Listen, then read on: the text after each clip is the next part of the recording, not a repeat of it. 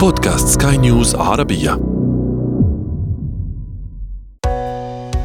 حياتنا.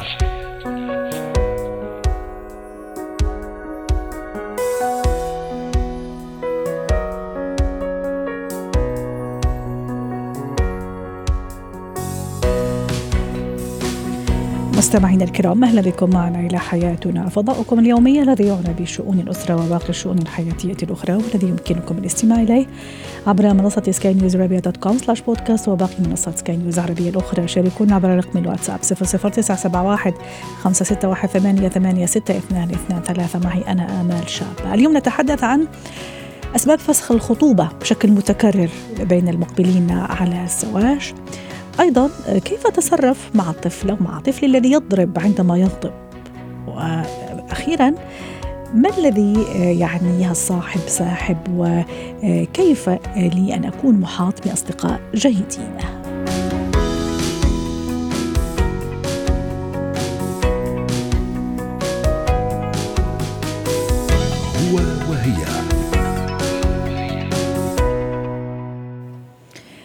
قد يكون الفشل أحيانا هو مآل بعض المقبلين على الزواج. طبعا فترة الخطوبة أقصد فشل الخطوبة قد يكون مآل البعض. أحيانا قد يكون هذا الفشل متكرر يعني مرة مرتان ثلاث اليوم سنخوض في أسباب هذا الفشل سواء كان متكررا أو فشل واحد ووحيد للحديث عن هذا الموضوع رحبوا معي بشافع عنيادي الخبير في العلاقات الزوجية والأسرية. دكتور شافع ما الذي يجعل البعض يفشل بشكل متكرر أحيانا في فترة الخطوبة ولا يصل إلى بر الأمان مثل ما يقال يعني اللي هو التعارف ثم استعداد للدخول لبيت الزوجية وتكوين الأسرة وتكوين أسرة؟ طبعا في احيان من أكثر الاسباب لا يوجد عدم التوافق في قيم اهتمامات أهداف ما بين المخطوبين سواء من الفكري أو العقلي.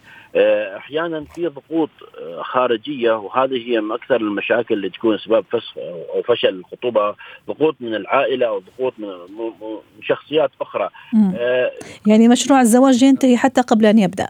نعم. وبعدين لاحظي يا اخت أمال مش مشروع هذه الخطبة عقد الزواج أحيانا في عقد وهو يلزمها. أما الخطبة الآن لا يوجد أي عقود ممكن تجي تلزم زوج المخطوبين. فيجي يصير؟ أي نوع خلاف بسيط على طول صارت مسألة عملية هذا فسخ الخطوبة. فتكون هناك في ما في تواصل عدم قدره على التواصل فعال فهم احتياجات الطرف الطرف الآخر.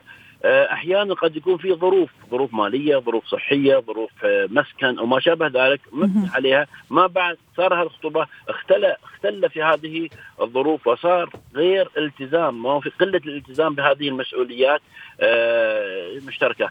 غير ذلك أحيانا في بعض الشخصيات وخاصة المخطوبين مال مشاكل نفسية أو مشاكل صحية مشاكل شخصية ومن أكثر الأشياء هي عدم الثقة بالطرف الآخر، انعدام الثقة ما بين المخطوبين، فهو هذا يكون مصدر للتوتر، القلق، الخوف، الاشتباك وما شابه ذلك.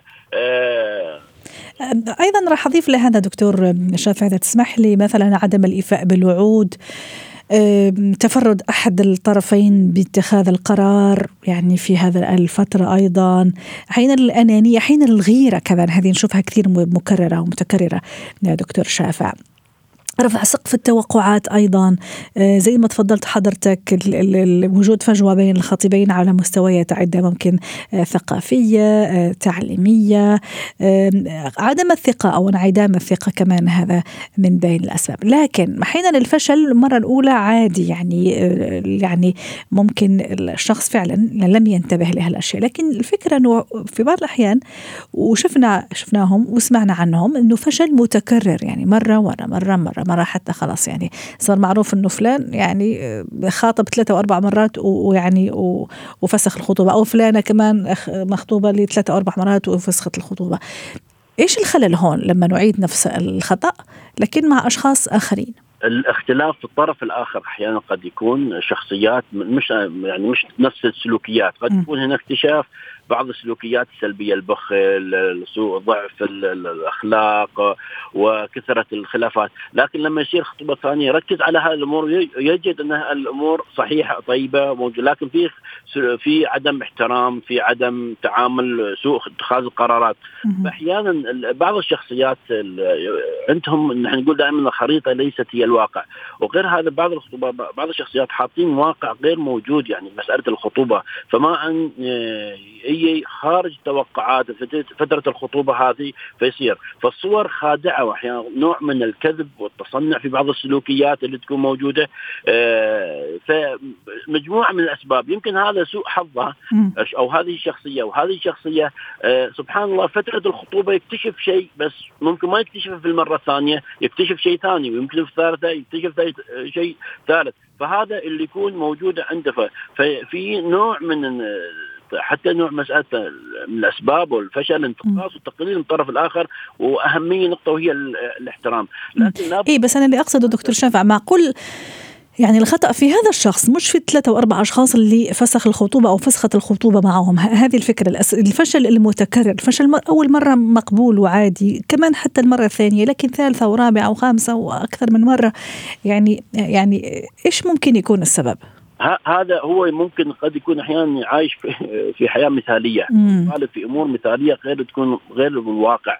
يعني يطلب أمور وشخصيات من لشريك الحياة لا توجد. فهو نعم. يأمل في هذا في في وبعض الشخصيات ما عندهم نوع من التجاهل والثقافة عن بعض الهفوات أنا م. هذا الإنسان أكيد له سلبيات ولا إيجابيات بس أنا أطالب إنسان 100% إيجابيات هاي صعب الحصول عليه. فهو فهو أو هي جالس يتنقى من خطبة لخطبة من خطبة لخطبة يبحث عن هذا الشخصية. فالمفروض مني أنا لابد أن عند هذا الشخص جهل في اختيار أو في معرفة وأحيانا في خلل في نمط شخصيته. هو ما أحيانا يكون سعوديين مال هو ما فاهم نفسه. صح. هو ما يعرف شو يبغى. آه، آه، لما يصير يخطب يكتشف هذا الموضوع عكس اللي هو يريده يكون فيه. آه، حتى نختم كمان أحيانا البعض آه، ما يفسخ الخطوبة أو الخطيبان ما يفسخوا الخطوبة رغم ضرورة ذلك. ممكن قد يكون ممكن من المرة الأولى الأمور مش تمام لكن يعني يكمل أو تكمل في الموضوع. أحيانا آه، زي موضوعنا اليوم اللي هو فشل متكرر ثم خلص يقول رابع أو خامس مرة يعني خلص عيب. يعني شو راح يقولوا الناس؟ وراح يقول المجتمع؟ شو راح يقولوا أهلي؟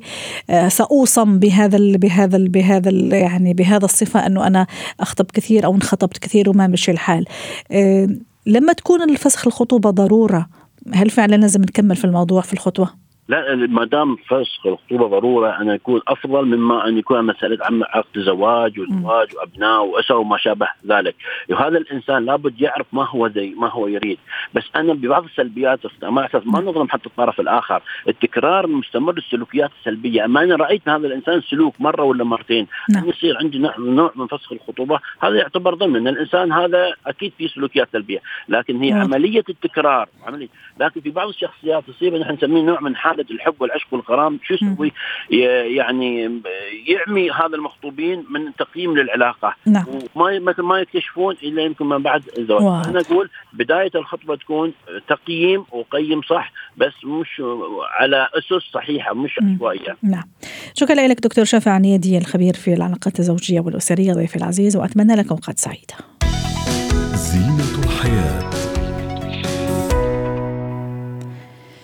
اليوم نتحدث عن الطفل الذي يضرب عندما يغضب.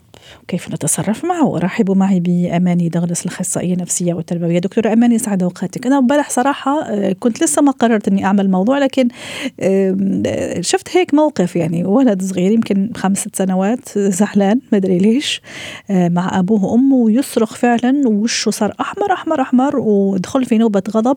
وأكثر من هيك كان يضرب أبوه. طبعا الأب شوي استحى ما عرف كيف يتصرف حاول أنه يهدأ من روعه لكن الطفل لا يعني زاد في نوبة الغضب. آخر شيء الأب والأم يعني تركوه ومشوا يعني طبعا أكيد عينهم عليه بس حتى ما يكمل في هذا النوبة. إيش التصرف الصح أول شيء لماذا يضربني ابني آه، لما يغضب أنا أو أبوه؟ آه، لماذا يغضب؟ عفوا لماذا يضرب؟ يعني شو شو الهدف؟ يعني شو عم ينفس؟ عم ينتقم؟ إيش عم يصير في هذيك اللحظة بالضبط لما يضربني هو غضبان؟ إيه موضوع كثير مهم لأنه عادة الأهل هذا هاي المواقف كثير بيواجهوها مع أبنائهم. ما في أم ولا أب بيرغبوا بإنه يعني إلا إبنهم يحيا طفولة سعيدة. ولكن شغلة الصراخ الغضب الضرب الجسدي حتى الضرب للوالدين. هلأ في أشياء خلت إنه هذا الطفل يلجأ لهذا التصرف أمامك وأنت تشوفيه قدامك. عادة قد يكون السبب إنه الأسلوب التعامل مع الطفل الضرب. أسلوب التعامل مع الطفل في غضب دائم. أسلوب التعامل مع الطفل التركيز على السلوك الخاطئ بدل ما إنه إحنا نمشي هلأ بتكنيكات رح أحكي لكم إياها. أو إنه هو بيعلي صوته وأنا بعلي صوتي أكثر عشان أنا أضبطه. عادة الطفل بده تدريب، أنا بعرف إنه الأهل بيشعروا بالجهد والإعياء وبصير بنفض الصبر من عندهم، لكن دائما بدي أحط في بالي الغضب والصراخ من قبلي. أنا كوالدين رح يواجهوا هذا الشيء من قبل آه، طفلهم أو ابنهم صح. العنف يولد عنف والصراخ يولد صراخ والغضب يولد غضب. صح. يعني إحنا دائما بننادي بالإيجابية في التأديب. الإيجابية في التأديب يعني على سبيل المثال آه، كيف أنا قبل قبل أنا ما اضبط طفلي وادبه أنا بدي اضبط حالي. لأنه عادة لما بيتوتروا الأولاد الأم والأب فورا بتوتروا. فانا دقيقة شوي بيني وبين حالي أقول لا أنا ما بدي بديش يجرني لعنده لعند تصرفه. نعم. خليني أنا شوي أشوف شو اللي بدي أعمله إيش التكنيك اللي ممكن إني أنا أعمله. هلأ عادة كمان بدنا نحط في بالنا إنه صراخنا له رح يأذيه على المدى البعيد نفسيا. يعني في بعض الأطفال قد ينأذوا. هلأ أول شيء أنا عشان ما أوصل لهذا المشهد اللي أنت شفتيه يفترض إني أنا أبني علاقة إيجابية مع ابني أو بنتي. آه وأكثر من مرة أنا حكيت تخصيص وقت للطفل من قبل الأم أو من قبل الأب نعم. بطفي التليفون آه بزيح التلفزيون خمس دقائق أنا وياه بنقعد بنحكي مع بعض بنراجع مع بعض آم آم آم بشوف نفسيته بشوفه كيف عم كيف عم بيتواصل بتواصل معه شغلة ثانية إنه عادة الأهل وين بيغلطوا آه، أمال؟ بإنه إحنا بنعظم الأخطاء وبنترك الإيجابيات صح. صح. أي سلوك إيجابي بصيده وبكبره. والعقاب ما يكون على قد أحيانا عند البعض العقاب ما يكون على قد الخطأ يعني أحيانا كثير أكبر بكثير من من من الخطأ. أو أضل أرجع أسمعه بابنه أنت أنا ليش عاقبتك؟ لأنك عملت واحد اثنين وصرخت أنا ليش عاقبتك؟ لأنك أنت ما كنت هادي لأنك ضربت أختك. هلأ بينما أنا إذا شفته قاعد خمس دقائق عم بيلعب بهدوء مع أخته أو مع الأولاد اللي من ضمن عمره أو طلعنا مع بعض وما وراني إنه هو غضبان أنا بعظم هالشيء جميل. له ثناء. هلا شو فايدة السنة؟ يعني وكأني كمان أبرمجه دكتورة أماني. أبرمج العقل اللاواعي. آه. صح أنه أبرمج على هذا السلوكيات. أي. الإيجابية. بدل من أركز على السلبيات أبرمج عقله الواعي على أشياء إيجابية. طب دكتورة إذا فعلا حصل معي هذا الموقف أنا حضرتك المستمعين اللي عم تسمعنا الآن اللي عم يسمعنا الآن ابني يا دكتورة بس يزعل واس يزعل خاصة إذا كان زعل كبير آه، يضربني. يعني يضرب يضرب أبوه يضرب أمه ممكن أحيانا يضرب أخواته وحين يضرب نفسه يأذي نفسه. إيش التصرف السليم في هذا الموقف بالذات؟ هلا التصرف السليم تبلش نوبة الغضب عند الطفل. يعني إحنا بننصح دائما الأهل إنه ينهوا الطفل لشيء غير الشيء اللي عم بيصير. آه، يا تعال نشوف هون شو عم بيصير يعني ما نضل مركزين على الموقف السلبي عرفتي كيف؟ إي بس أحيانا كمان الموقف أو المكان ما يسمح لي مثلا المول آه، معزومين صح, أه. صح ولا لا دكتورة؟ يعني أنا أنا وياه في البيت إيه ممكن يتحمل الوضع آه، لكن مثلا في هيك موقف مع ناس معزومين يعني حسب يعني آه يعني إيه؟ التكنيك هذا بالمول أنا بقدر إني أسويه يمكن المول فيه أشياء بتلهي تعمل إلهاء أكثر من من أي مكان ثاني في غرض هون في شيء هون في مشهد معين ممكن إيه أنا أعمل حتى اخفف من هذه الحدة والمشهد اللي عم بيصير قدام الناس آه، علي وأنا وعلى ابني نعم. شغلة ثانية دائما إحنا وين الخلل؟ إحنا بنضل نقول للطفل ممنوع ممنوع ترفع صوتك ممنوع تضربني ممنوع آه، نعطي تعليمات تعليمات تعليمات ولكن ما بنفهمه شو بنتوقع منه لما صح. نطلع برا لما بدنا نطلع أنا ما بتوقع منك أنت ابني أنت حبيبي إنه أنت تمد إيدك إيديك رجليك لإلك هذول مو لازم ينمدوا لا علي ولا على على الأطفال الثانيين. بدي أفهمه. إحنا وين بصير المشكلة عند الأهل؟ الأهل بيزهقوا بتعبوا بقول لك أنا كل يوم بدي أقعد أفهم فيه أنا إذا زي ما انت حكيتي ست امال كل ما أنا بنيت الطفل بعقله اللاواعي بيكون يتشكل هذا إنه صح. ما هو متوقع مني ما هو الصح ما هو الخطأ. رائع. وكمان أحيانا الاهل يعني للأسف يستخدموا كلمة ما يفهم أو ما بيفهم. فهمته بس ما عم يستوعب. عرفت كيف يمكن هو المشكلة مش فيه يمكن أنا الطريقة اللي فهمته فيها غلط آه، مش صحيحة. بس آه، أنا قليلة صبر آه. صبري مش كثير كبير يعني صبري قليل فمشان هيك يعني يعني ما عم يتصرف بالطريقة الصحيحه الكلمة السحرية والذهبية إذا حابين نختمها حضرتك اليوم دكتور أماني شو ممكن نوجه نصيحة للامهات والأباء؟ هي آه أنا هلأ اليوم دائما إحنا نحكي عن الأبناء. أنا بدي أحكي للأم والأب. نصائح لهم بس. تصير القصة. خذوا لكم هيك نفس عميق. وهدوا شوي. ارجعوا برمجوا حالكم عززوا حالكم وامدحوا حالكم لما تنجحوا معه بأي خطوة. يعني كل إحنا بدنا نفهم شغلة إنه التغيير ما بيصير بسرعة. صح. أنا بدي عشان اضلني أنا متحفزه وما أزهق أو ما أمل اعزز حالي امدح حالي. والله اليوم إني أنا كنت فظيعة بإني كيف ضبطت السلوك أو كيف جديد أو كيف تحافظت على أعصابي وما غضبت مثلا وجرني لعنده طفلي نعم. برضه كمان أنا بنصح الأهل إنه ياخذوا وقت مستقطع لهم يقعدوا يهدوا شوي يركنوا لما يناموا الأولاد إيه، يعيدوا برمجة إيش الأشياء اللي صارت معهم، وين الغلط اللي عندي، وين الغلط اللي عنده، كيف بقدر إني أنا اتفاداه لقدام. نعم. شكرا لك دكتورة أماني دغلس الخبيرة التربوية ضيفتي العزيزة من عمان. مهارات الصاحب ساحب الصديق قبل الطريق وأشياء كثيرة ومسميات كثيرة تتحدث عن الصحبة والصداقة وكلها طبعا تشير أو تبين إلى أهمية الصديق في مشوار الحياة. الصديق يعتبر يعني تقريبا هو أنت هو مرآتك إذا كان صديق يعني فعلي وحقيقي. اليوم يعني سنتحدث عن هذا الموضوع. ما هي العلامات؟ كان هذا سؤالنا التفاعلي أيضا. ما هي العلامات التي تدل على أنك محاط بأصدقاء جيدين أو سيئين؟ رحبوا أول شيء معنا بالأستاذة نانسي إسماعيل مدربة مهارات حياة. يا أهلا وسهلا. بالأستاذة نانسي آه، إجابة على سؤالنا بعض التعليقات. خليني أقرأ بعض منها. تعليق يقول إذا رأيتهم يدلوك على الخير فهم جيدين وإذا رأيتهم يدلوك على الشر فهم سيئين. زيادة الشعور بالسعادة تقول آه، هذه المستمعة الكريمة والإحساس بالانتماء ووجود هدف في الحياة مخالطة أناس جيدين إيجابيين وطيبين وأذكياء والناجحين أيضا يعني هذا أهم شيء. آه، أستاذة نانسي شو يعني الصاحب ساحب؟ وإلى أي درجة يعني لازم أكون واعي لهالموضوع؟ أي يسحبني أو انسحب أو أسحب ما يعني تسحبني لكن بوعي أكون عارف الأشياء اللي اللي, اللي أنا آه، ما تأثر علي سلبا والإيجابي إيه مش مشكلة. أهلا أستاذة امال يا أهلا وسهلا. الموضوع very interesting بصراحه يعني الأصدقاء في حياتنا ليهم دور كبير جدا.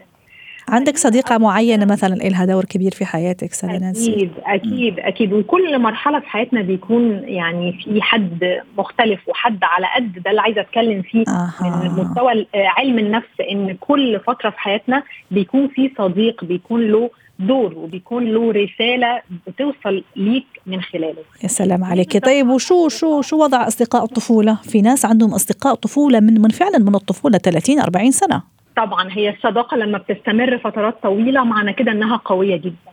خلينا نعرف لو إحنا كبشر ما بنقدرش نختار الأهل والأسرة والجينات عندنا بشكل وعي وبشكل لا واعي كمان نقدر نختار الأصدقاء. بنختارهم بشكل واعي إن هم شبهنا فيهم من آه، أهدافنا أو قيمنا وبنختارهم كمان بشكل لا واعي لما بيكون في منهم حاجات زينا على مستوى الطاقة أو على مستوى الاهتمامات تلاقي آه، نقول الأرواح تتلاقى. صح. أنا كأني عارفاكي من زمان. بيكون في حاجات روح وجنود مجندة.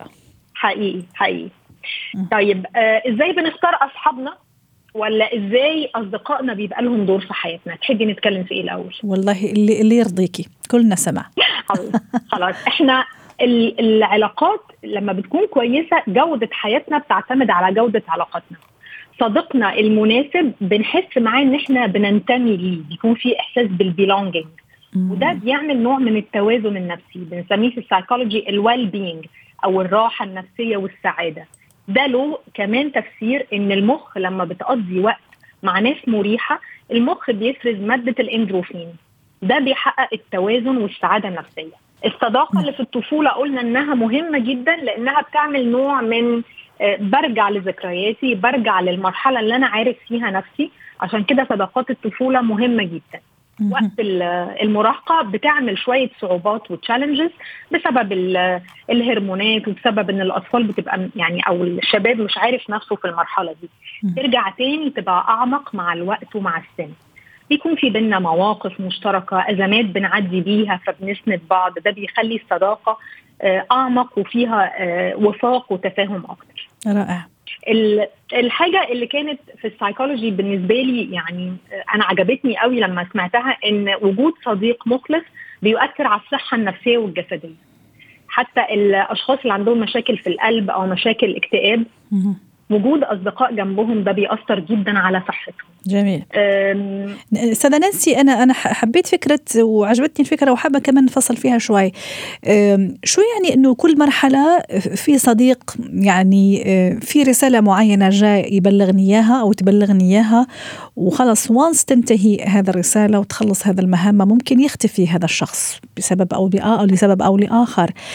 هل هذا يعني أنه أنا مش وفي أو هو مش وفي ولا لا؟ يعني هي رسالة كونية جات بلغت لي ثم يعني طاقية خلينا نقول آه، ثم انسحب هذا هذا هذا الشخص. هي فعلا رسالة كونية لأن الإنسان هو عبارة عن مجموعة ذبذبات لأن إحنا مكونين من نسبة كبيرة جدا من الماء.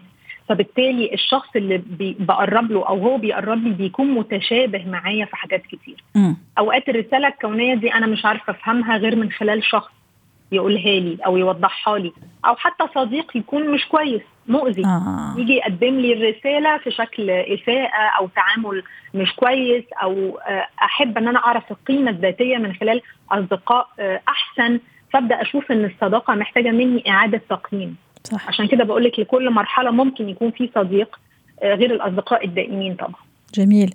طيب آه، حتى نختم مع حضرتك أستاذة نانسي. الصاحب صاحب كيف فعلا أكون واعي لهذا هذا النقطة تحديدا؟ أي ممكن أروح مع نانسي صديقتي حبيبتي آه، متفقين على أشياء كثيرة بس في نقطة كذا معينة ما لازم كثير يعني أنغمس فيها. حقيقي.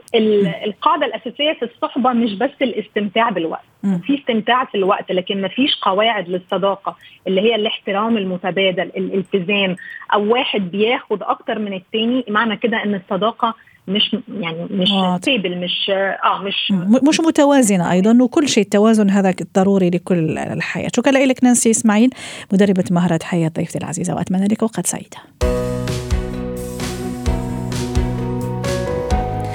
ختام حلقة اليوم من حياتنا. شكرا لكم وإلى اللقاء.